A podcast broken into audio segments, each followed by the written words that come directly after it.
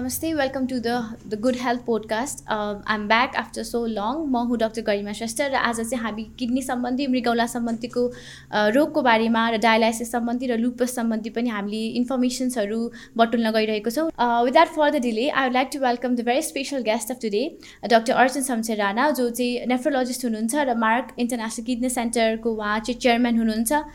Welcome to the podcast sir नमस्ते नमस्ते thank you हजुर सन्चै हुनुहुन्छ। हजुर। हजुर सो विदाउट फर्दर डिले हामी चाहिँ अब पोडकास्टको अगाडितिर लाग्छौँ र हामी मृगौला सम्बन्धी इन्फर्मेसन्सहरू हजुरबाट धेरै बटुल्न चाहन्छौँ। सो हामीले मृगौला भन्ने बित्तिकै हामीले चाहिँ किडनी फेलर भनेर हामीले फर्स्टमा नेपालमा नै को नेपालकै कुरा गर्दाखेरि चाहिँ हामी किडनीको कुराहरू गर्दाखेरि किडनी फेलरको कुरा नै फर्स्टमा आउँछ। सो हजुर what are the causes of kidney renal failure in Nepal किडनीको फेलरको चाहिँ what are the causes in Nepal अब किडनी फेलियर होइन किडनी फेलियर या मृगौलाले काम गर्न छोडी या दीर्घकालीन मृगौला रोग भनेर जुन भन्छौँ अब त्यो दुई तिनवटा कुराहरू हुन्छ जस्तो किडनी फेलियर भन्न साथ दुइटा किसिमको हुन्छ जुन मान्छेहरूले चाहिँ धेरैजनाले चाहिँ नबुझिरहेको हुन्छ कि किडनी फेलियर भन्न साथ एकैपल्ट अब किडनी भयो जिन्दगीभर डायलिसिस गर्नु पऱ्यो ट्रान्सप्लान्ट गर्नुतिर जानुहुन्छ तर एक्युट किडनी इन्जुरी भन्ने पनि हुन्छ जुन चाहिँ अचानक किडनीमा असर परेको। जुन चाहिँ केही समयको लागि तपाईँले उपचार गर्नुभयो भने तपाईँको किडनी शत प्रतिशत राम्रो हुँदै जान्छ। जस्तै कहिले डायलिसिस गर्नुपर्छ कहिले औषधि सेवन गर्नु पर्ला त्यसले गर्दा चाहिँ तपाईँको किडनी राम्रो हुन्छ। तर क्रोनिक किडनी डिजिज जुन हामीले नेपालमा चाहिँ अब किडनी फेलियर भयो किडनी बिग्रियो भन्नसाथ दीर्घकालीन मृगौला रोग सोध्छौँ। अब दीर्घकालीन मृगौला रोगको चाहिँ नेपालमा चाहिँ सबैभन्दा कमन कारण चाहिँ ग्लोमिनोनेफ्राइटिस हो जुन चाहिँ पिसाबबाट प्रोटिन जाने रोग या पिसाबबाट रगत जाने रोग हुन्छ। धेरैले चाहिँ खुट्टा सुनिने शरीर सुनिने रोग पनि भनेर भन्छ।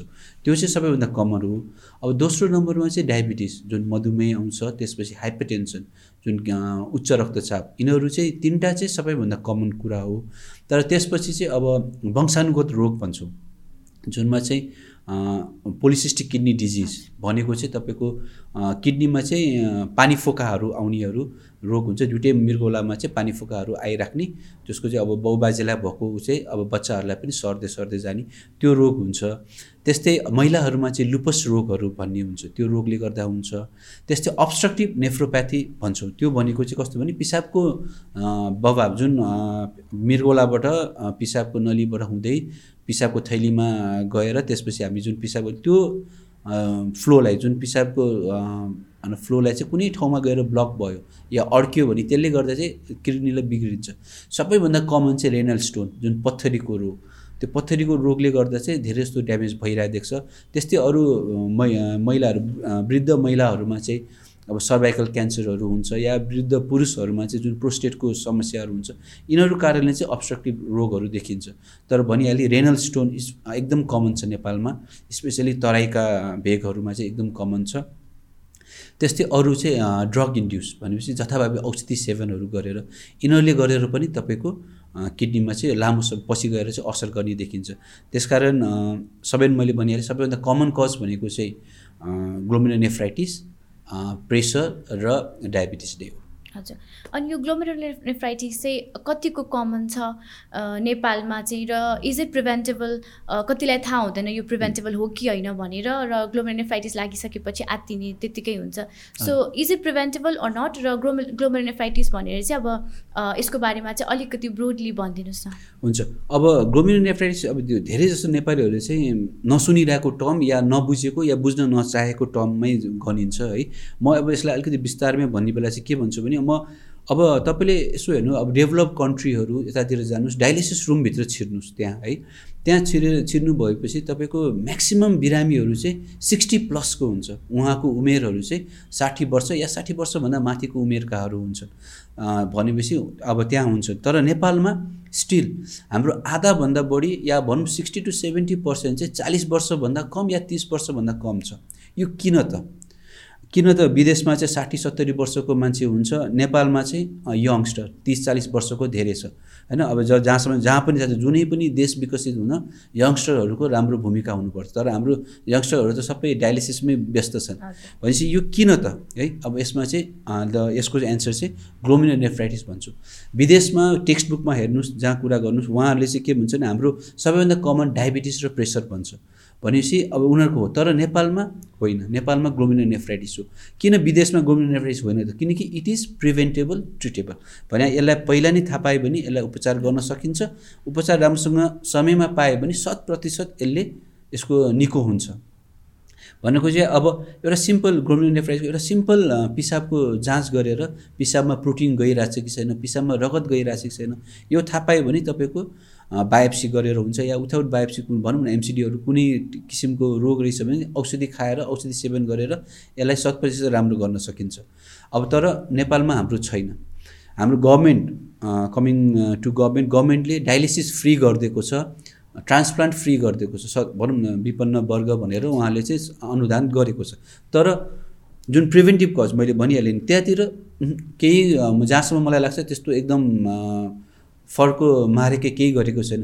इभन त्यो मात्र नभएर इभन हामी आफै नेपालीहरू आफ्नैमै कुरा गरौँ न। हामी बिरामी नभइकन अप्ठ्यारो नभइकन गाह्रो नभइकन हस्पिटल जाने गर्दै गर्दैनौँ। झन् अहिले कोरोनाको महामारीमा त हस्पिटल भनेको त एकदम के अरे एकदम लास्ट प्लेस टु बी होइन? त्यो पनि भइरहेछ। अब इभन अब गभर्मेन्टले यो गरिदेला त्यो गरिदेला भनेर भन्दा पनि अब इभन आफ प्यारेन्ट्सहरू या इभन स्कुल्सहरूमा पनि होइन म चाहिँ के भन्छु भने इट हेज हेल्थ भनेको चाहिँ एउटा हामीले चाहिँ एकदम नेग्लेक्टेड एरिया छ। गाह्रो भइसकेपछि त्यही भएर हाम्रो म्याक्सिमम् इभन किडनी अरू रोगहरूको त कुरा छँदैछ। म चाहिँ किडनीमै बढी फोकस गर्छु। हाम्रो नेपालको पनि अब डायलिसिस र ट्रान्सप्लान्टमा मात्र गरेर करोड होइन अर्बो खर्च हुन्छ। अर्ब अर्ब खर्च हुन्छ। मैले चाहिँ अब त्यो जुन अनुदान दिइरहेको छ त्यसलाई नराम्रो भन्न खोजेँ होइन। त्यो दिएको त्यो ठाउँमा छ। तर यत्रो अर्ब खर्ब खर्च गरिरहेको त्यसको एक चौथाइ पैसा चाहिँ तपाईँले इभन प्रिभेन्टिभ कजहरूमा जुन यो स्कुल स्कुल्समा गएर या गाउँ गाउँमा गएर त्यो जाँच गरेर तिनीहरूको ट्रिट गर्न सक्यो भने आफ्टर पाँच वर्षपछि या दस वर्षपछि नेपालमा पनि हामीले के देख्न सक्छौँ भने डायलिसिस रुममा गएर भने त्यो बिस तिस वर्षको चालिस वर्षको बिरामीहरू देख्न पर्दैन। त्यो विच इज हाम्रो देशको लागि राम्रो हुन्छ।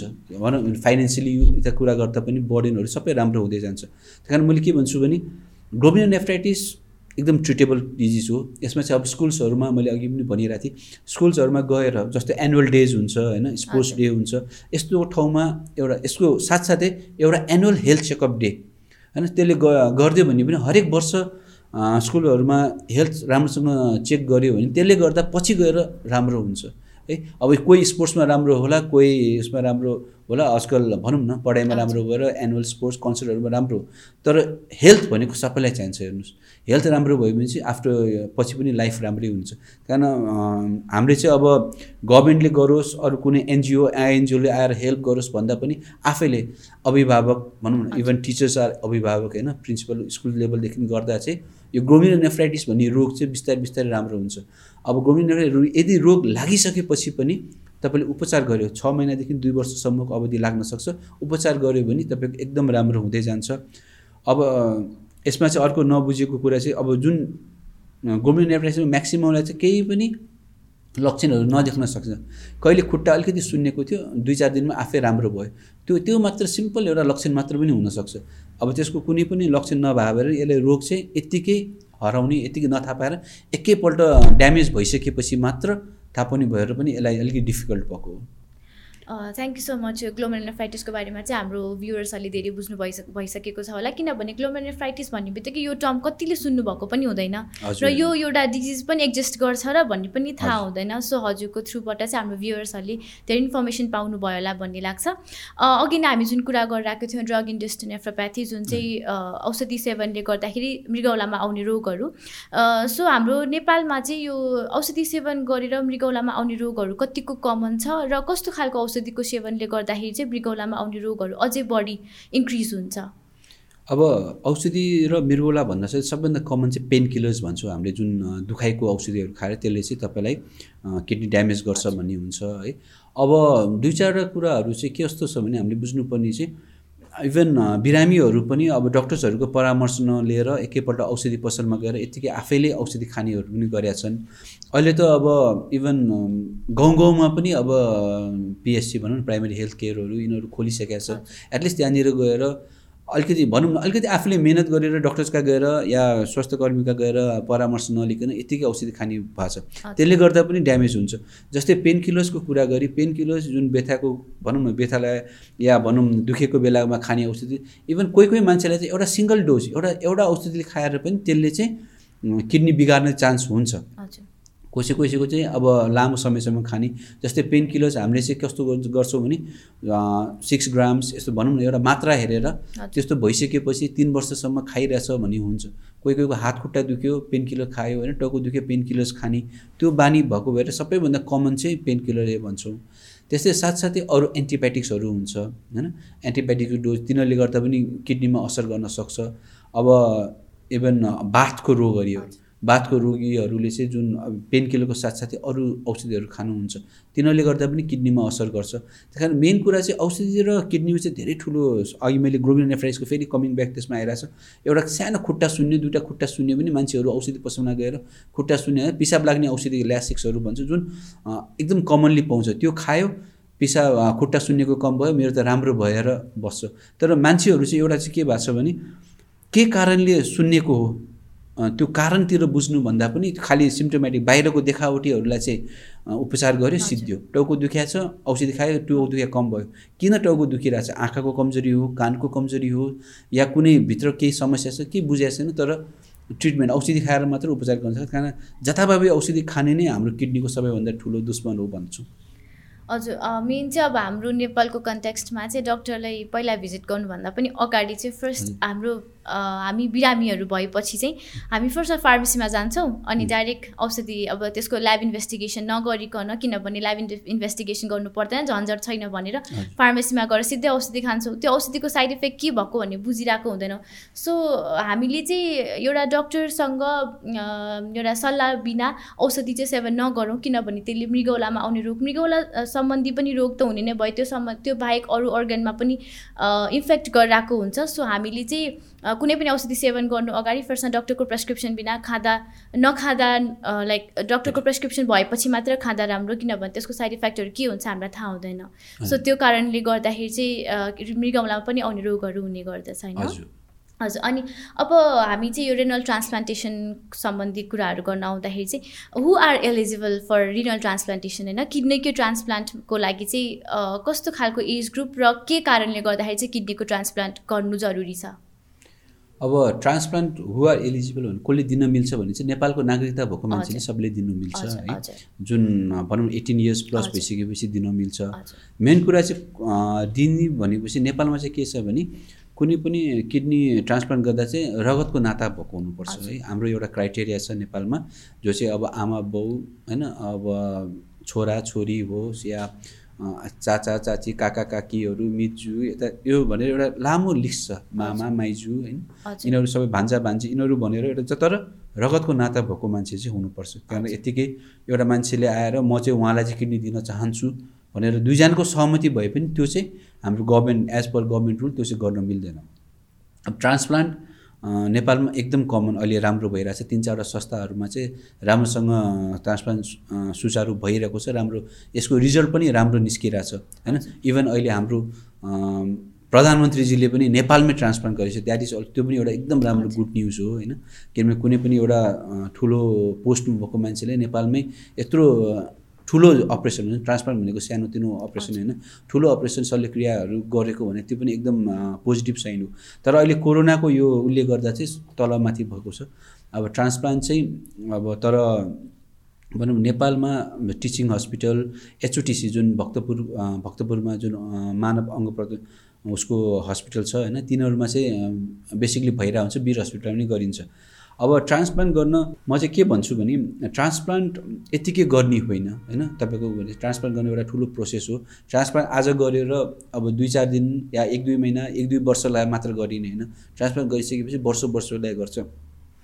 कतिजना हाम्रो बहिरङ सेवामा बहिरङ ओपिडीहरूमा आउँदा पनि म ट्रान्सप्लान्टमा गइहाल्छु यस्तो यस्तो गर्छु भन्छ होइन? म चाहिँ के भन्छु भने नेपाल अहिले धेरै धेरै पहिलाको हेरेर यो लास्ट फाइभ इयर्समा नेपालमा धेरै नै भइरहेको छ। ट्रान्सप्लान्टको मात्रा बढिरहेछ नेपालमा तिनवटा संस्थाहरूमा सबैभन्दा बढी हुने हुन्छ जुन गभर्मेन्टको अब टिचिङ हस्पिटल जुन महाराजगञ्जको टिचिङ हस्पिटल भक्तपुरको HOTC human organ transplant centre होइन? त्यस्तै वीर हस्पिटल। त्यो तिनवटामा चाहिँ हाम्रो गभर्मेन्टमा भइरहेछ प्राइभेटमा पनि अब ग्रान्डी हस्पिटल सुमेरु हस्पिटलहरूले चाहिँ प्राइभेटमा पनि गर्न सुरु गर्नुभएको छ। अब नेपालमा चाहिँ ट्रान्सप्लान्टको अब जुन हाम्रो माननीय प्रधानमन्त्रीज्यूले गर्न थालेदेखि नै चाहिँ यसको चाहिँ एकदम अहिले चाहिँ क्रेजहरू बढ्या भनौँ या मान्छेहरूले चाहिँ विश्वास बढी गरेको छ। पहिला पहिला चाहिँ बाहिर बाहिर विदेश स्पेसली इन्डियामा गएर गर्ने गर्थ्यो। तर नेपालमा चाहिँ अब एलिजिबल मेन चाहिँ हाम्रो अठार वर्षभन्दा माथिको मान्छे। अठार वर्षको जुन नेपालको नागरिकता भइसकेपछि तपाईँ एलिजिबल हुनुहुन्छ। तर दिने कसलाई भन्दा चाहिँ रगतको नाता भयो मान्छे बाहेक अरूलाई दिनु मिल्दैन। जस्तै अब रगतको नाता भनेपछि अब आफ्नै फ्यामिली ब्लड जस्तै आमा बाउ दाजुभाइ होइन दिदी बहिनीहरू त्यस्तै छोराछोरी काका काकी अझ इभन हजुरआमा हजुरबा यिनीहरू सबै भयो मामा माइजू यिनीहरू सबै आफ्नो रिलेसनमा भएको यिनीहरू बाहेक अरूले दिनु मिल्दैन। अब तर ट्रान्सप्लान्ट गर्नु साथ गर्ने भनेको एउटा सानो यो ठुलो शल्यक्रिया हो ठुलो प्रोसेस हो। यसलाई लामो समय लाग्छ। पहिलो कुरा चाहिँ ट्रान्सप्लान्ट गर्नुभन्दा अगाडि तपाईँहरूले के बुझ्नुपर्छ भने पहिला तपाईँ के तपाईँ एकदम ट्रान्सप्लान्टको लागि रेडी हुनुहुन्छ कि हुँदैन? किनभने ट्रान्सप्लान्ट भनेको चाहिँ म धेरै जस्तो बिरामीहरूलाई हाम्रो ओपिडीमा आउँदा पनि त्यही भन्छु। कि तपाईँहरूको के छ? ट्रान्सप्लान्ट भनेको एउटा कस्तो भने धेरै जस्तो हाम्रो नेपाली अब किसान दाजुभाइ बाबाहरू उहाँलाई चाहिँ मैले चाहिँ अब त्यही खेतको एउटा इक्जाम्पल दिएर भन्छु। हामीले जहिले पनि अब एउटा केही रोप्नु पऱ्यो धान रोप्नु पऱ्यो एउटा खेतमा भनेपछि हामीले के गर्छौँ त? खालि धान खेतमा हालिदिन्छ त्यो उम्रिने हुँदैन। होइन सर्टन कुरा एउटा कुरा के गर्नुपर्छ? खेत रेडी गर्नु पऱ्यो होइन? अब त्यसलाई खन्नु पऱ्यो मलहरू हाल्नु पऱ्यो त्यसलाई अब जोड्नु पऱ्यो भनौँ न त्यसलाई राम्रोसँग राख्नु पऱ्यो त्यो चाहिँ हाम्रो अब डोनर जुन लिएको मान्छेको त्यो भन्छु। जस्तै अब बिउ हाल्नु पऱ्यो होइन धानको हाल्नु पऱ्यो भने त्यो कस्तो छ के छ राम्रो छ कि छैन किनकि हरेक सबै धान हाल्न त्यो उम्रिने हुँदैन। त्यस कारण पहिला अब एउटा खेत राम्रो छ कि छैन त्यसलाई हेर्नु पऱ्यो। त्यसपछि जुन बिउ हामीले हाल्छौँ त्यो राम्रो छ कि छैन हेर्नु पऱ्यो। भनेको जो मान्छेले किडनी लिन्छ त्यो मान्छे पहिला शत प्रतिशत रेडी हुनु पऱ्यो। के कारणले पहिला किडनी बिग्रेको? त्यो बिग्रेको कारण बुझेर त्यसलाई चाहिँ ओभरकम गर्नु पऱ्यो। किनभने फेरि नयाँ किडनी लिइसकेपछि फेरि बिग्रिने चान्स हुन्छ। कारण त्यो बुझ्नु पऱ्यो। कति चाहिँ डायलिसिस गरिरहेको हुन्छ डायलिसिसमा अनुशासन छैन। चार पाँच लिटर बढेर पानी बढेर आयो सधैँ हरेक महिनामा छातीमा पानी बढेर आइसियुमा भर्ना हुनुपर्ने मान्छे आफ्नो अनुशासनमा औषधि तलमाथि गर्ने मान्छे त्यो मान्छेको ट्रान्सप्लान्ट गरे पनि त्यसको रिजल्ट राम्रो निस्किनु त्यस कारण त्यो कुराहरू हेर्नु पऱ्यो त्यस्तै डोनर जुन बिउ भनेको जुन डोनर जुन जो मान्छेले अङ्ग दिन्छ त्यो मान्छेको पनि सबै चिज राम्रो हुनु जस्तै डायबिटिज चिनीको रोग प्रेसरको रोग नभएको या अरू सम समस्याहरू नभएको सबै चेक गरेर गर्नुपर्छ। साथसाथै अब हामीले मैले भने अलिक खेतमा रोप्यो। त्यो रोपिसकेपछि यत्तिकै त अब यत्तिकै उम्रिनु भन्छ त्यही टाइम टाइममा त्यसलाई मल हाल्ने पानी दिने त्यो गर्नुपर्छ। त्यही कारण एकपल्ट ट्रान्सप्लान्ट भइसकेपछि पनि नियमित औषधिहरू खाने डक्टरसँग परामर्श गरेर के कस्तो भइरहेछ त्यो सबै बुझ्नुपर्छ। कारण ट्रान्सप्लान्ट एकदम लामो प्रोसेस हो तर राम्रो प्रोसेस हो। किडनी बिग्रिए गइसकेको मान्छेलाई चाहिँ ट्रान्सप्लान्ट बाहेक अरू विकल्प छैन। अब डायलिसिस गरेर हुन त बिस तिस वर्ष बाँचिन्छ तर त्यो चाहिँ एउटा किडनीको ठाउँमा गर्ने एउटा प्रोसेस मात्र हो। त्यो चाहिँ सत् भनौँ ट्रिटमेन्ट चाहिँ होइन। जो जुन अब ट्रान्सप्लान्ट गरिसकेपछि चाहिँ सबै किडनी मेरो ठिक हुन्छ भन्ने चाहिँ छैन। जस्ट ट्रान्सप्लान्ट गरिसकेपछि पनि डिसिप्लिनमा बस्नु पऱ्यो। आफ्नो औषधिहरू दिनुभएको प्रिस्क्राइब अनुसारको नियमित औषधि चाहिँ खानै पऱ्यो। र आफ्नो डे टु डे लाइफमा पनि ध्यान दिनु पऱ्यो खानेकुराहरूदेखि लिएर एक्टिभिटिजहरूमा पनि ध्यान दिनु पऱ्यो। किनभने मान्छेहरूले चाहिँ अब मेरो किडनी ट्रान्सप्लान्ट गरिसकेको छ मलाई सबै कुरा ठिक हुन्छ भन्ने चाहिँ हुँदैन। जबसम्म आफूले आफ्नो डेली एक्टिभिटिजमा ध्यान दिँदैनौँ आफ्नो खानेकुरामा ध्यान दिँदैनौँ र औषधि खानेमा ध्यान दिँदैनौँ तबसम्म फेरि ट्रान्सप्लान्ट गरेकै किडनी पनि फेरि बिग्रिन सक्छ। हजुर। मेन कुरा चाहिँ अब ट्रान्सप्लान्ट रिजेक्सन जुन भन्छु चाहिँ अब बिग्रिने चान्स चाहिँ अब त्यो चाहिँ आफूले सतर्क भएर बस्नुपर्छ। मेरो एकपल्ट किडनी बिग्रिएर गइसकेको छ। यो किडनी चाहिँ एकदम अमूल्य छ। यसलाई चाहिँ म बिग्रिन दिन्नु भनेर अनुशासनमा बस्यो भने नेपालमा पनि बिस तिस वर्षदेखि ट्रान्सप्लान्ट गरिरहेको बसेको छ। इभन प्रधानमन्त्री पनि दस वर्ष त बाँचेको छ होइन? त्यस्तै हुनसक्छ। अनि नेपालमा चाहिँ किडनी ट्रान्सप्लान्ट कतिको सक्सेसफुल भइराखेको छ अहिलेसम्मको अहिलेको नेपालको चाहिँ सक्सेस रेट एकदम राम्रै छ। होइन जुन एच एचओटिसी जुन मैले भने नि एचओटिसी जुन भक्तपुरको उहाँले चाहिँ यो लकडाउनभन्दा अगाडि एउटा निकाल्नु भएको थियो। उहाँहरूको पनि टु इयर्सको थ्री इयर्सको जुन रिजल्टहरू निस्किन्छ त्यो राम्रो छ। जुन हामीले एट्टी पर्सेन्टभन्दा माथि भएर राम्रो भन्छ उहाँहरूको त I think ninety ninety five percent नै थियो भनेपछि त्यो पनि एकदम राम्रो हो। दोस्रो टिचिङ टिचिङ हस्पिटलमा टिचिङ हस्पिटलमा गरेको त्यहाँको अध्ययनको उसमा पनि रिजल्टहरू एकदम राम्रै निस्किएको छ। तर मैले भनिहालेँ हामीले ट्रान्सप्लान्ट अब नेपालमा हाम्रो आफ्नोलाई माया गर्दैनौँ होइन? बाहिर नै राम्रो हो भन्नु सक्छु तर नेपालको रिजल्टहरू पनि राम्रै छन्। इभन मैले भनिहालेँ ट्रान्सप्लान्ट गर्ने मात्र होइन। ट्रान्सप्लान्ट प्रोसेस अपरेसन एकदम सिम्पल हो। आधा घन्टा एक घन्टा दुई घन्टाको मात्रै प्रोसेस तर ट्रान्सप्लान्टभन्दा अगाडिको प्रोसेस र ट्रान्सप्लान्ट गरिसकेको प्रोसेस त्यो चाहिँ सबैभन्दा लेन्दी लामो र त्यो चाहिँ सबैभन्दा राम्रो हुनु पऱ्यो तपाईँको अगाडिको प्रोसेस सबै राम्रो भइसकेको रहेछ भने ट्रान्सप्लान्ट गर्नु ट्रान्सप्लान्ट राम्रो हुन्छ सक्सेसफुल हुन्छ। अब अगाडिको प्रोसेसै भएको छैन भने ट्रान्सप्लान्ट गर्न गाह्रो हुन्छ। हजुर।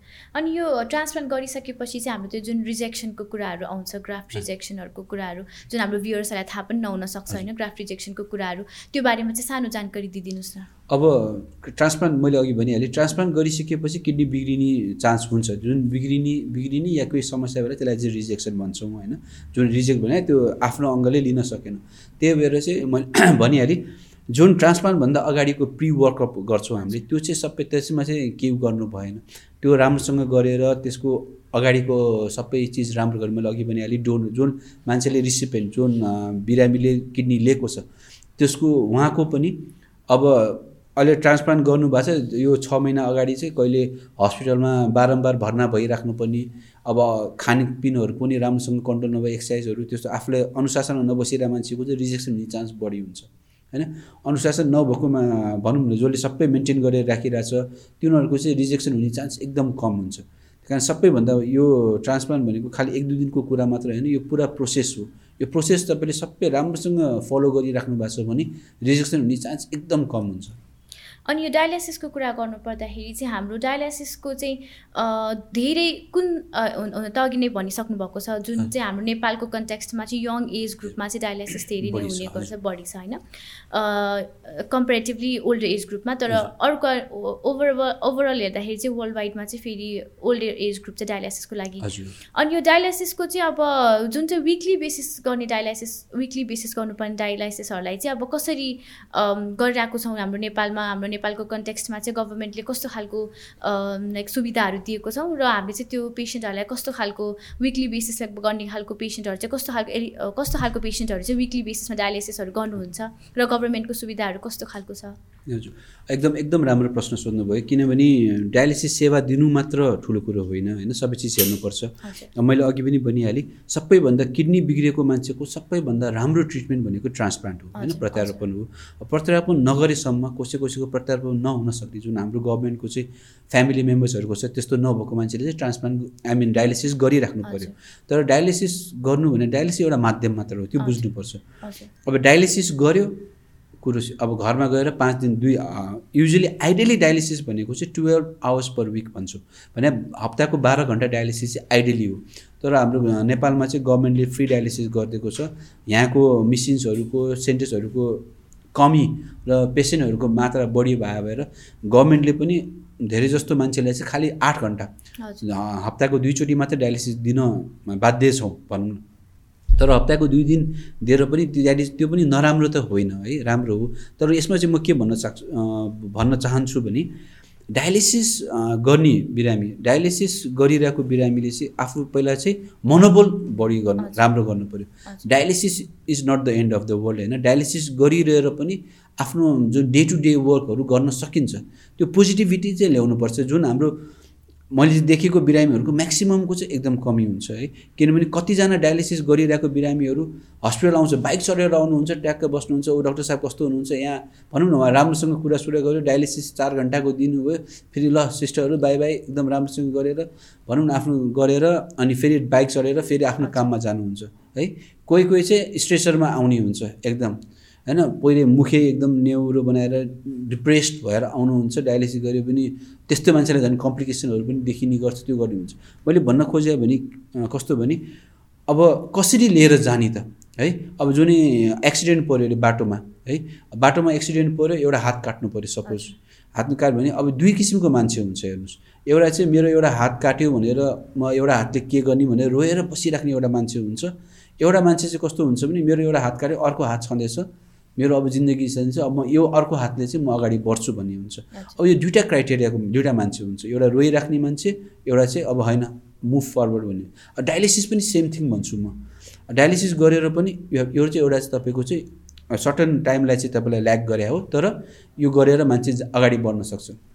म एउटा इक्जाम्पल दिइरहेको छु जुन हाम्रो नेसनल किडनी सेन्टरमा दिम्पी जोलन भन्ने छ एउटा। अब उसले चाहिँ तेह्र वर्षको उमेरदेखि डायलिसिस सुरु गरे हो। अहिले मेरो विचारमा पन्ध्र बिस वर्ष भइसकेको छ। उसले आफ्नै आफ्नो भनौँ न एउटा पसल चलाउँछ पसल चलाउँछ ऊ राम्रोसँग बस्छ। अरू कसैको मेहरबानी भन्छौँ या के भन्छौँ नि अरूको कसैमा आफ्नै खुट्टामा उभिरहेछ के गरिरहेछ भने उसले गरिरहेछ। त्यस्तो गरिरहेछ उसले गर्न सकिरहेछ भनेपछि अरूहरूले पनि गर्न सक्छ। है मेन कुरा चाहिँ आफू पोजिटिभ हुनु पऱ्यो डायलिसिस मात्र गरेर हुँदैन। डायलिसिस त एउटा यो शरीरमा जुन मृगौलाले गर्ने काम गर्न नसकेको काम त्यसले चाहिँ गरिदिने हो। जुन शरीरमा दिन हप्ताभरि रहेको मैला चाहिँ अब डायलिसिसमा फ कम गरिदिन्छ। तर अर्को एउटा देखेको चाहिँ न्युट्रिसन है? अब नेपालमा चाहिँ हाम्रो डक्टर्सहरू भन्दा डक्टर्सहरूले भनेको सुन्नुभन्दा साथीभाइहरूले ए यसले यस्तो बनाएको छ होइन? पल्लो घरको रामेले यस्तो बनाएको थियो उसले यस्तो भनेको थियो त्यो कुराहरूमा बढी फोकस। गर्छु होइन? अब भनौँ न हाम्रो पाँचवटा औला बराबर छैन। इभन डायलिसिस बिरामीहरू पनि सबै एउटै हुँदैन। कसैलाई के कारणले बिग्रिया हुन्छ कसै के कारणले बिग्रिया हुन्छ। इभन एउटै रोगले दुईजनाको किडनी बिग्रिया रहेछ भने त्यो मान्छे पनि डिफ्रेन्ट हुन्छ। कसैलाई के खानु हुन्छ कसैलाई के खानु हुँदैन। त्यही भएर अब यो अहिलेको यो बिरामीले चाहिँ यो खाइरहेको चाहिँ उसलाई राम्रो भयो यसो भनेर अरूको सुनेर भन्छ सब हरेक मान्छे कारण न्युट्रिसन भन्नु मैले किन के भन्नु खोजेँ भने अब किडनीको बिरामी हो दाल खानु हुँदैन ए मासु खानु हुँदैन। यो खानु हुँदैन भात खानु हुँदैन भनौँ न यो खानु हुँदैनमा बढी फोकस गर्छौँ है के। खानु हुन्छ त्यसमा बढी फोकस गर्दैन अब भात खाइराख्ने मान्छेलाई चाहिँ एकैपल्ट भात साथ सबै बन्द गरिदिनुहोस् रोटी खानुहोस् भन्नु या भनौँ न अरू चिज खानु भन्नु भन्यो भने हजुर। एकदम उसले एक दुई दिन गर्ला दुई तिन दिन गर्ला बरु तेस्रो दिन चौथो दिनदेखि ल्याक ब्याक हुन्छ होइन गर्न। सक्दैन त्यही भएर चाहिँ हामीले चाहिँ न्युट्रिसनमा चाहिँ बढी फोकस गर्नुपर्छ। डायलिसिस बिरामीमा झन् कमजोरी बढी हुने हुन्छ। एउटा त रोगको कमजोरी अर्को चाहिँ डायलिसिस गरेको प्रोसेसको कमजोरी। त्यही कारण खानपिन पनि तपाईँले राम्रोसँग गर्नु भएन भने त्यो बिरामी चाहिँ झन् खस्किँदै जान्छ। त्यही कारण खानेकुरा। मासु खानुहुन्छ हुन्छ। कुखुराको मासु खानुहोस्। सधैँ खाना नभए पनि दुई तिन पिस दुई तिन किन हामीले खाने भनेको एकैपल्ट धेरै खाने हुँदैन दुई तिन। पिस मात्र खाने हुन्छ त्यस। कारण मासु खानुहोस् अन्डा अन्डा खाने हो अन्डाको साथ भयो न्युट्रिसन अब भेजिटेरियन मान्छेहरूले पनिरहरू भनौँ न अरू कुराहरू खानुमा प्रोटिन इन्टेकहरू गर्नुपर्छ। होइन किडनीको बिरामीले प्रोटिन खानै हुँदैन भन्ने भन्ने हुन्छ। होइन त्यो चाहिँ एकदम कदापि होइन।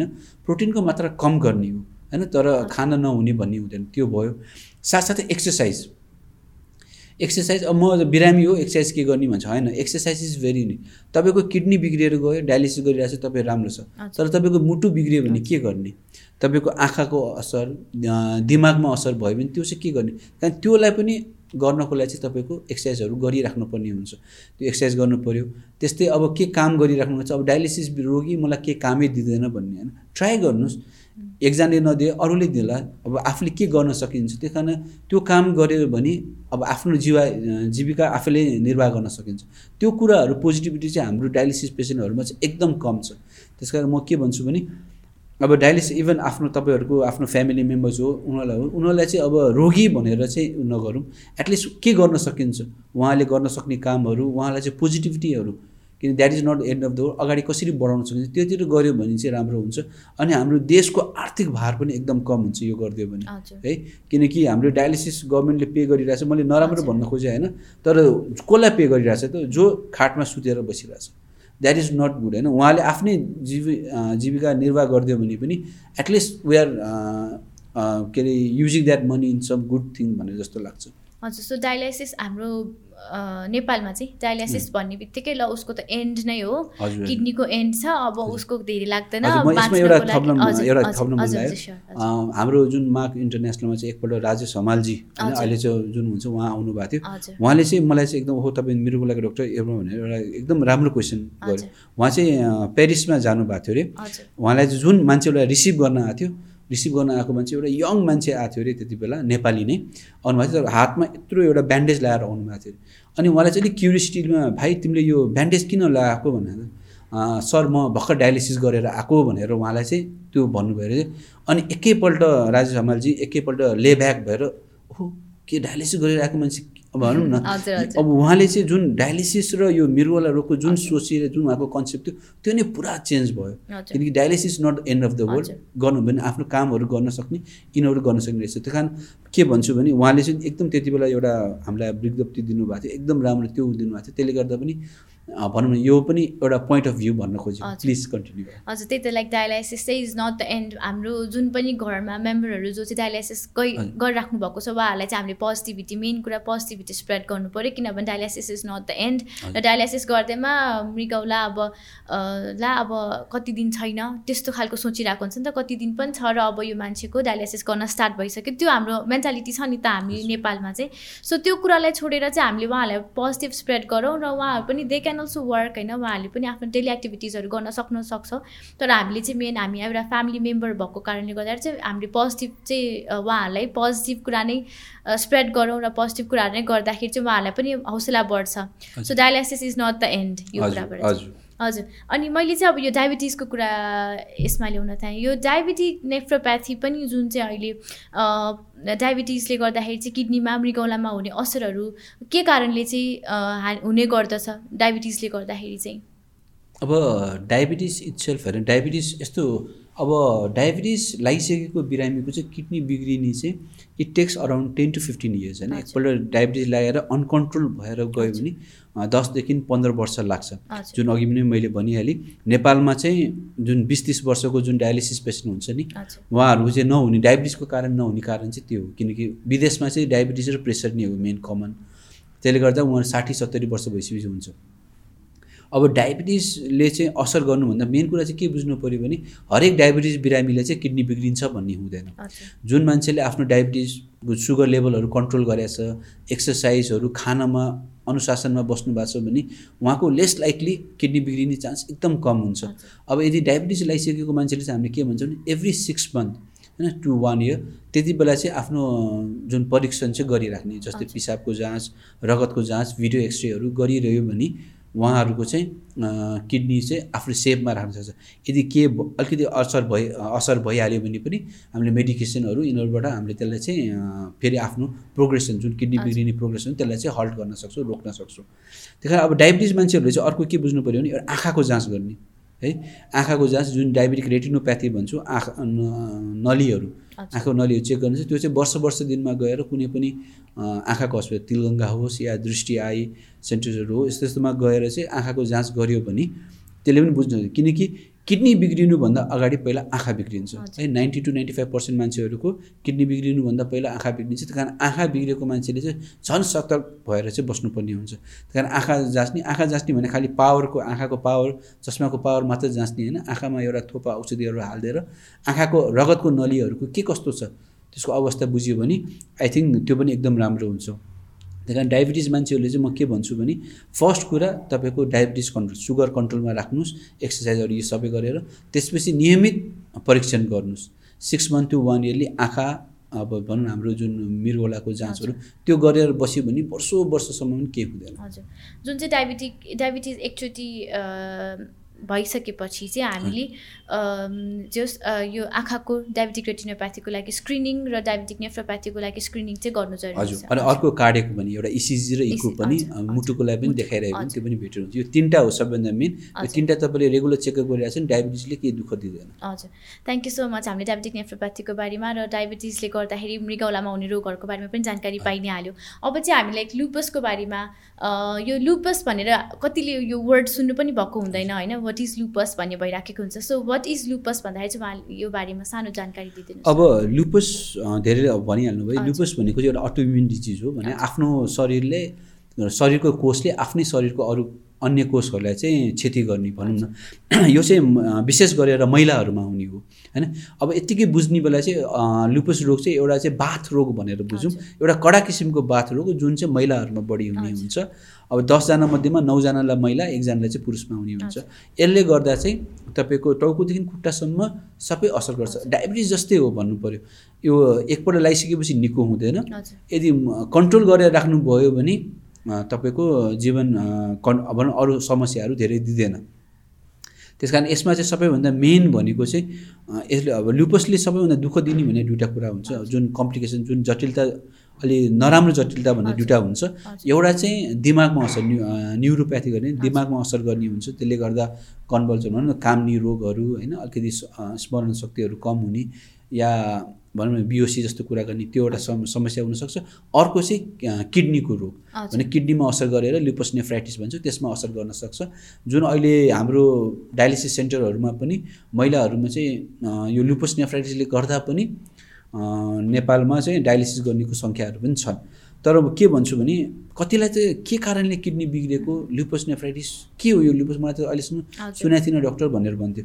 त्यस कारण मेन कुरा चाहिँ लुपस रोग चाहिँ कस्तो हो भने यसले चाहिँ मिसडायग्नोज या डायग्नोज गर्न नसकेर या भनौँ निदान गर्न नसकेर नि पछि गएर जटिलताहरू आइसकेपछि मात्र यसलाई थाहा पाउने भएर यसले समस्या दिन सक्ने त्यस कारण पहिला लुपसहरूको बुझ्नुलाई चाहिँ अब भनौँ न फेसमा ऱ्यासेसहरूदेखि लिएर कपाल झर्ने होइन ज्वरोहरू आउने औँलाहरू दुख्ने दम बढ्ने अलिक घाममा गयो कि पुरा रातो हुने होइन यिनीहरू समस्याहरू देख्न सकिन्छ।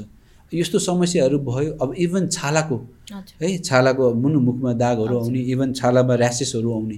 कतिले चाहिँ वर्षौँ वर्षसम्म छालाको डक्टरलाई देखाइरह्यो पछि किडनीमा सुन्निन थालेपछि हामी कहाँ आयो थियो त्यसपछि चाहिँ यो त लुपस नेफाइटिस भनेर थाहा हुन्छ।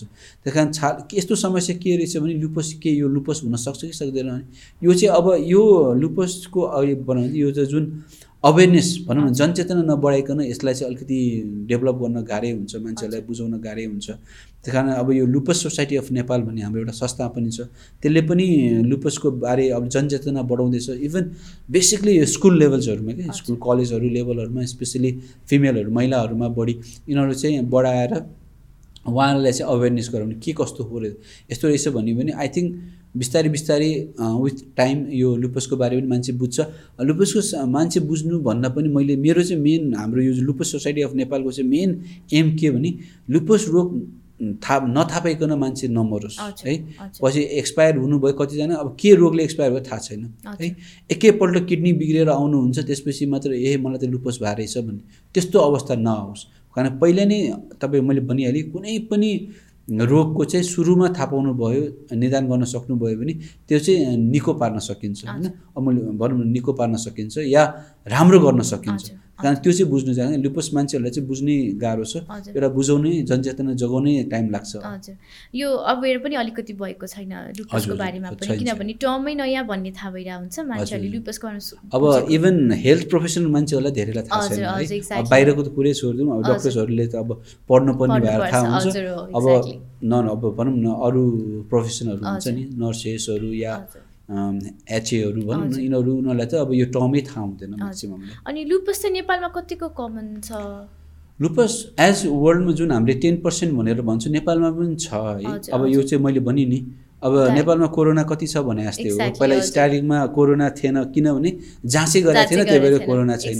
अब अहिले बढ्दैछ किन बढ्दैछ त जाँच धेरै गरेको छु त्यही कारण बढ्दैछ अब लुपसको पनि I want to take in that way only. है किनभने अहिले मान्छेको। कम गरेको छ। त्यही भएर चाहिँ थाहा छैन कतिलाई थाहै छैन। हजुर। त्यही भएर पनि हो। यो चाहिँ वुमेन हरूमा मात्र धेरै कमन हुन्छ मोस्टली चाहिँ। हजुर हजुर मैले भनिहालेँ नौ। दसजना मध्येमा नौजना चाहिँ महिला अरू एकजनालाई चाहिँ पुरुषमा हुने चान्स हुन्छ। हजुर। अनि अब हाम्रो यो पोडकास्ट अन्त्यतिर नै आइसकेको छौँ होइन? अनि अब मैले चाहिँ यो नेफ्रोलोजीको कुनै पनि डायलासिस रिलेटेड होइन? कुनै पनि हाम्रो नेफ्रोको प्रोसिड्युरहरू चाहिँ हामी यो सिटी एरियामा मात्र नरहेर रुरल एरियामा चाहिँ कस्तो एडभान्स भइसकेको छ होइन? लाइक गाउँ गाउँतिर चाहिँ नेफ्रोलो नेफ्रोकै कुराहरू गर्दाखेरि चाहिँ यो किडनीकै मृगौला सम्बन्धी कुनै पनि प्रोसिड्युरहरू जस्तै डायलासिसहरू गाउँ गाउँमा कस्तो छ त्यहाँको अब भन्नुपर्दाखेरि त्यहाँको कन्डिसन कस्तो छ डायलासिसहरू काठमाडौँ नै गर्न आउनुपर्ने हो कि गाउँ गाउँमा पनि डायलासिसको अहिले सेन्टरहरू खुलेको छ कि के छ यो हजुर अब गाउँ गाउँमा गएको चाहिँ भन्न भन्न सकिन्न होइन गाउँ गाउँमा त गएको छैन तर अब अब जुन काठमाडौँ सेन्ट्रिक मात्र पनि छैन। है अब मेन कुरा चाहिँ के भने हाम्रो यो स्वस्थ मृगौला स्वस्थ जीवन अभियान भन्ने हाम्रो म। म चाहिँ त्यसको अभियन्ता हुँ हामीले चाहिँ एउटा यसको अन्तर्गत जुन Lions Club of Kathmandu corporate नेपालहरूसँग मिलेर भनौँ न जुन सेन्टरहरू मिलेर हामीले चाहिँ प्रोग्रामहरू।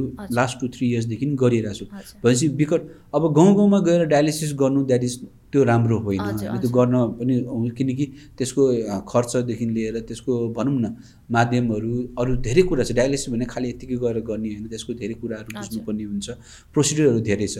तर हामीले के गर्न सक्छौँ भने गाउँ गाउँमा गएर चाहिँ अवेरनेस जनचेतना बढाउने है अब मृगौलामा कति मैले भनिहालेँ नाइन्टी पर्सेन्ट किडनी ड्यामेज नभइकन तपाईँको लक्षणहरू देख्दैन। त्यही भएर मान्छेहरूलाई थाहा पनि हुँदैन। के भन्छ कारण गाउँमा गएर एउटा सिम्पल एकदम भनौँ न विकट विकट ठाउँमा गएर एउटा पिसाबको जाँच एउटा सिम्पल एउटा रगतको जाँच गरेर उहाँको अब एउटा भिडियो एक्सरे गरेर उहाँको अवस्था के कस्तो छ त्यो बुझ्न सकिन्छ। त्यही भएर लास्ट थ्री फोर इयर्सदेखि हामीले लगभग भनौँ न नेपालको आठ दसवटा विकट एरियामा गएर हामीले यो क्याम्पहरू। जुन मेडिकल क्याम्पहरू गरिन्छ त्यसबाट पनि कतिजनालाई चाहिँ राम्रो भनेर थाहा पाइस भनौँ न त्यसलाई प्रोसेस गरेर राम्रो भनेर थाहा छ। तर अब स्टिल अब यो यो अहिले कोरोनाले गर्दा चाहिँ यो वर्ष चाहिँ हामीले गर्न सकेका छैनौँ। फ्युचरमा डेफिनेटली हामी अझै गर्ने। हाम्रो अझै विकट विकट ठाउँमा जस्तै बजाङ बाजुरादेखि रोल्पाहरू यस्तो यस्तो ठाउँमा गएर पनि गर्ने चान्स किनकि त्यहाँबाट बिरामीहरू आइराख्नु भएको छ। उहाँले बुझ्ने नभएर त्यो आइराख्नु भएको छ। त्यस्तो ठाउँमा गएर चाहिँ मेल मेडिकल के अरे क्याम्पहरू गर्ने त्यो चाहिँ प्लान छ। तर तपाईँले जुन डायलिसिस भन्नुभयो डायलिसिस चाहिँ अब नेपालको जुन सेन्टर सेन्टर सिटिजहरूमा उहाँ चाहिँ भइरहेको छ। काठमाडौँ बाहेक अरू सिटी सिटिजहरूमा। इभन चितवन बुटवलहरूमा त अलि झन् म्यासिभ धेरै नै छ। इभन विराटनगरहरू यिनीहरूमा ठुल्ठुलो छ। अब इभन ध भनौँ धरानहरू जुन सिटी सिटिजहरू पोखराहरू यिनीहरूमा त छँदैछ त्यस्तै अरू जस्तै अब सुदूरपश्चिमतिर कुरा गर्दा धनगढीतिर छ। नेपालगञ्ज त्यसपछि नेपालगञ्जहरूमा छ होइन। तर डायलिसिस सेन्टरहरू छ इभन घोराईहरू यिनीहरू जुन अलिअलि ठाउँहरूमा पनि सानसानो गरेर भइरहेछ। तर मेन चाहिँ हाम्रो नेफ्रोलोजिस्ट नेपालमा जुन मृगोला रोग विशेषज्ञ पचासको हाराहारीमा मात्र छ होइन? अब उहाँहरूलाई सेन्ट्रलाइज गर्न जुन मोबिलाइज भनौँ न अरू ठाउँ ठाउँमा गरेर गर्न गर्न सकेका छैन। किनभने यो टिचिङ हस्पिटल वीर हस्पिटल भनौँ न एउटा अब मेडिकल कलेजहरूमा मात्रै सीमित भएर धेरैजना त्यस्तोमा आबद्ध हुनुहुन्छ। त्यही त। अब मेन कुरा चाहिँ अब यसलाई चाहिँ मोबिलाइज गर्नु पऱ्यो। इभन नेफ्रोलोजिस्ट मृगोला रोग विशेषज्ञ नै चाहिँदैन। एउटा फिजिसियन जेनरल फिजिसियनहरूले पनि यसलाई प्रोसेस गर्न सक्नुहुन्छ। उहाँले पनि एक दुई वर्षको ट्रेनिङ लिएर डायलिसिसको बारे मृगोला रोगको बारे यो उनीहरू गर्न सक्नुहुन्छ। त्यही कारण मेन कुरा चाहिँ अब धनगढीमा डायलिसिस सेन्टर छ खोल्या छ होइन। तर खोल्नु मात्र कुरा हो र होइन होइन। अब विकट गाउँमा गएर तपाईँले भन्नुभयो भने गाउँ गाउँमा गएर डायलिसिस खोल्ने तर खोल्नु मात्र कुरा होइन। त्यसले। प्रोसेस कसरी गरिरहेछ त्यसले बिरामीलाई बेनिफिट कति भइरहेछ? डायलिसिस गरि गरिरहेछ। तर त्यो मात्र कुरा भएन। त्यसले कति राम्रो गरिरहेछ? डायलिसिसको प्रोसेसले उहाँको रगतहरू कति सफा गरिरहेछ? नियमित पाइराख्नु भएको छ कि छैन। साथै मैले अघि पनि भनिहालेँ डायलिसिस मात्र एउटा त माध्यम मात्र हो डायलिसिस होइन? डायलिसिस साथसाथै औषधि सेवन उहाँको अनुशासनहरू बस्ने उहाँको पोजिटिभिटीहरू जुन मेन्टल स्ट्याटसहरू होइन जुन डिप्रेसनमा जानुहुन्छ धेरै जस्तो। त्यो के कस्तो छ? त्यो सबै बुझ्नु चाहिँ अब एज अ फुल प्याकेजै हो भनौँ न। त्यो कुरा बुझ्नु चाहिँ अझै टाइम लाग्छ नेपालमा किनभने मैले अघि पनि भनिहाल्छु बारम्बार भनिरहेको छु नेपालीहरू चाहिँ बिरामी नभइकन हस्पिटल जाँदैन हेर्नुहोस्। आफूलाई अप्ठ्यारो गाह्रो नभइकन हस्पिटल जाँदैन। गाह्रो भइसकेपछि मात्रै हस्पिटल जाने। जबसम्म नेपालीहरू हामीहरू चाहिँ बिरामी नभइकन पनि एउटा जेनरल चेकअपको लागि हस्पिटल जाने जुन बानी एउटा हाम्रोमा डेभलप हुँदैन त्यति बेलासम्म यहाँ अवेरनेसहरू गर्न अझै गाह्रै हुन्छ। तर त्यो त्यो गाह्रो हुन्छ भन्दैमा हामीले चाहिँ हामी भनौँ न यङ्स्टरहरू विशेष गरेर यङ डक्टर्सहरू अहिले यस्तो अब। कुराहरूमा आइरहेको छ। जस्तै। अब आई वान्ट टु टेक यो इक्जाम्पल होस् होइन? डक्टर्सहरू तपाईँ डक्टर हुनुहुन्छ यङ डक्टर हुनुहुन्छ तपाईँले यस्तो यो प्रोग्रामहरू गऱ्यो भने you're doing good to the society होइन? एटलिस्ट यसको माध्यमबाट पाँच दस दसजनालाई मात्र पुगोस्। उहाँहरूको पनि सोचाइहरू चेन्ज हुन्छ परिवर्तन हुन्छ। त्यसले गर्दा पनि आई थिङ्क अब अहिलेको यङ्स्टर डक्टर्सहरूले पनि डाइरेक्टली इन्डाइरेक्टली चाहिँ सोसाइटीमा धेरै राम्रो गरिराख्नु भएको छ। उहाँले चाहिँ भनौँ न के के गर्न सकिन्छ त्यो गरिरहेको छ अब म चाहिँ के भन्छु भने अब यसकै माध्यमबाट पनि भन्छु अब भुइँचालो गयो everyone is donating money अनि त्यो त ठिकै छ। है अब कोरोनाको यस्तो यस्तो भयो या काहीँ बाढी पीडित भयो सबैजना आफ्नो भनौँ न। आफूले गर्नु सक्नुभन्दा पनि बढी गरिराख्नु भएको छ। अब यस्तो यस्तो कुरामा म चाहिँ के भन्न चाहन्छु भने अब जस्तै लुपसको अघि कुरा भयो लुपस। सोसाइटीहरूको मान्छेहरू छन् जस्तै हाम्रो स्वस्थ मृगौला स्वस्थ जीवन अभियानहरू छ त्यस्तै किडनी सेन्टरको मृगौला बचाउ अभियानहरू यस्तो अभियानहरूमा पनि यङ्स्टरहरूले चाहिँ हेल्प गर्नुहोस् होइन? किनभने मैले अघि पनि भनिहालेँ रोग लागिसकेपछि इभन किडनी ड्यामेज भइसकेपछि तपाईँले कति एडहरू सुन्नुहुन्छ इभन म्यागजिनहरू फेसबुकहरूमा किडनी मेरो यो मान्छेको किडनी बिग्रियो प्लिज हजुर। डोनेट गरिदिनुहोस् भनेर। सोच्नुहुन्छ होइन ओके द्याट इज गुड त्यो नराम्रो भन्न चाहन्न तर त्यस्तै टाइममा अब किडनी मेरो यो गाउँको मान्छेहरूको किडनी बचाइदिनको लागि राम्रो हुनको लागि प्लिज डोनेट गरिदिनुहोस्। होइन या प्रोग्राम गर्नु मका कतिजना अहिले हामीले जुन यो अभियान सुरु गरिसकेपछि कतिजनाले फोन गर्नुहुन्छ मेसेज गर्नुहुन्छ फेसबुक थ्रु गरेर हाम्रो गाउँमा पनि हाम्रो ठाउँमा पनि आएर तपाईँले चाहिँ क्याम्प गरिदिनुपर्छ। त्यो चाहिँ खुसी हुन्छ अब। हामीले भन्नसाथ गर्न त गाह्रो हुन्छ तर प्लान गरेर हरेक वर्ष प्लान गरेर त्यो चाहिँ गरिरहेको हुन्छु त्यस्तै अरू नेफ्रोलोजिस्ट अरू डक्टर्सहरूले पनि सबैले यस्तो गरिरहेछ यङ्स्टर्सहरू इभन यङ डक्टर्स एसोसिएसन यस्तो। एसोसिएसनहरू पनि आइरहेको छन् उनीहरूले पनि मैले अघि पनि भनिहालेँ आफूले गर्नु सक्ने भन्दा पनि बढी कामहरू गरिराख्नु भएको छ। I think after five years ten इयर्समा यङ्स्टर्सहरू यङ डक्टर्सहरूको जुन अहिलेको सोचाइहरू छ त्यसले गर्दा चाहिँ आई थिङ्क नेपाल पनि यो मैले अघि भनिहालेँ हस्पिटल खालि बिरामी मात्र भएर होइन अर्को वेमा पनि जाने जुन। सोसल वेमा भनौँ न। जुन विदेशीकोहरू हामी कपी गर्छौँ नि जुन। फेसबुक इन्स्टाहरू टिकटक बनाउने चाहिँ कपी। गर्छौँ यस्तो यस्तो। फेसन। फेसनहरू चाहिँ कपी गर्छौँ त्यस्तै गभर्मेन्टले विदेशहरूमा पनि यो जुन प्रि चेकअपहरू गर्ने हुन्छ एनुअल चेकअपहरू गर्ने हुन्छ त्यो पनि कपी गर्नुहोस् न प्लिज त्यो भन्न चाहन्छु थ्याङ्क यू सो मच कस्तो मजाले मोटिभेट गर्नुभयो। र आइम सो थ्याङ्कफुल हजुरले मलाई पनि एउटा इक्जाम्पल लिनुभएकोमा र एउटा हाम्रो यो आजको पोडकास्टबाट चाहिँ what I want to share भने हामी मेडिकल प्रोफेसनलले त अवेरनेस मेन त हामी नै एउटा अवेर गराउनको लागि हामी एउटा मेन हुनुपर्छ। र त्यो सँगसँगै आज जो जसले हाम्रो पोडकास्टहरू हेर्नुभयो र सुन्नुभयो उहाँहरूले पनि यो आज जुन जुन बारेमा थाहा पाउनु भएको छ लुपसको बारेमा थाहा पाउनु भयो ग्लोमेरोनेफ्राइटिसको बारेमा थाहा पाउनु भयो डायलाइसिस र त्यही गरेर रिनल ट्रान्सप्लान्ट किडनी ट्रान्सप्लान्टको बारेमा पनि थाहा पाउनु भयो त्यो चाहिँ तपाईँले आफूमा मात्र सीमित नराखेर तपाईँले आफ्नो मेम्बर फ्यामिली मेम्बर्ससँग साथीहरूसँग चाहिँ यो सेयर गरिदिनु होला किनभने एक एक हुँदै गरी नै त्यो स्प्रेड हुने हो होइन? कतिलाई थाहा नै हुँदैन यो टर्म नै थाहा हुँदैन लुपस भन्ने टर्म न्यू लाग्छ। यो बारेमा चाहिँ ज जसले आज सुन्नुभयो र जो जसले आज हाम्रो बारेमा हेर्नुभएको छ यो मृगौला सम्बन्धी रोगको बारेमा हेर्नुभएको छ यो चाहिँ स्प्रेड गरिदिनु होला बिकज पहिल्यै एकैचोटि एन्डमा आएर डायग्नोस हुनु र फर्स्टमा डायग्नोस भएर त्यसको ट्रिटमेन्ट समयमा पाउनु धेरै डिफ्रेन्ट छ र prevention is better than care जहिले पनि हामी यो कुरा भन्छ होइन? सो हजुरसँग चाहिँ अब धेरै नै इन्फर्मेटिभ कुराहरू भयो। हजुरले हामीले आज जुन क्वेसन्स रिलेटेड क्वेसन्स बाहेक अरू कुनै कुराहरू भन्न चाहनुहुन्छ भने भनिदिनुहोस् न भ्युवर्सको लागि। अब अब धेरै म्याक्सिमम् कुरा त भनिहालेँ तर जाँदा जाँदा म चाहिँ एउटा लास्ट के भन्न चाहन्छु भने प्लिज प्लिज प्लिज तपाईँहरू चाहिँ हरेक वर्ष एकपल्ट चाहिँ आफ्नो जेनरल चेकअप चाहिँ गर्नुहोस् है। आफ्नो छोराछोरीलाई चाहिँ बरु महँगो महँगो गिफ्टहरू दिने। आफ्नो बाउ आमालाई चाहिँ केक काटेर यस्तो गरेर जुन हामीले ओल्ड जुन युरोपियन विदेशी फेसनहरू ल्याउँछ त्योभन्दा बरु एउटा केकको जति पैसा पर्छ त्यति एउटा जेनरल चेकअपको पैसा पर्छ।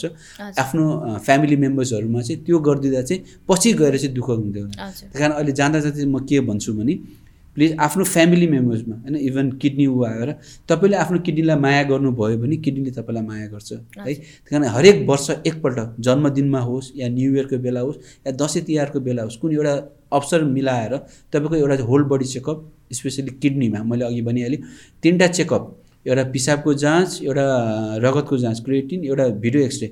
हजार। दुई हजार जति पर्छ होला एकदम राम्रो ठाउँमा गएर गर्दा पनि त्यति पर्छ या त्योभन्दा कम पनि पर्छ। त्यति गऱ्यो भने तपाईँको किडनीको अवस्था के छ बुझ्न सकिन्छ। अगाडि के नराम्रो रहेछ भने त्यसको उपचार गर्न सकिन्छ या राम्रो रहेछ भने त एक वर्ष ढुक्क भयो अर्को वर्ष फेरि चेकअप गर्ने। हस् त्यही भन्दै please stay safe stay healthy भन्न चाहन्छु। थ्याङ्क यू सो मच अनि हजुरको भ्यालुएबल टाइम आज हाम्रो लागि दिनुभएकोमा thank you so much thank you thank you so much hope तपाईँहरूले आजको पोडकास्टमा चाहिँ धेरै इन्फर्मेटिभ कुराहरू थाहा पाउनुभयो होला। मृगौला सम्बन्धीको रोगको बारेमा जुन कुरा तपाईँले नयाँ टर्महरू सुन्नुभएको थिएन थिएन होला त्यो टर्महरू पनि थाहा पाउनु भएको छ। र मृगौला यो डायबिटिसले गर्दाखेरि के हुन्छ?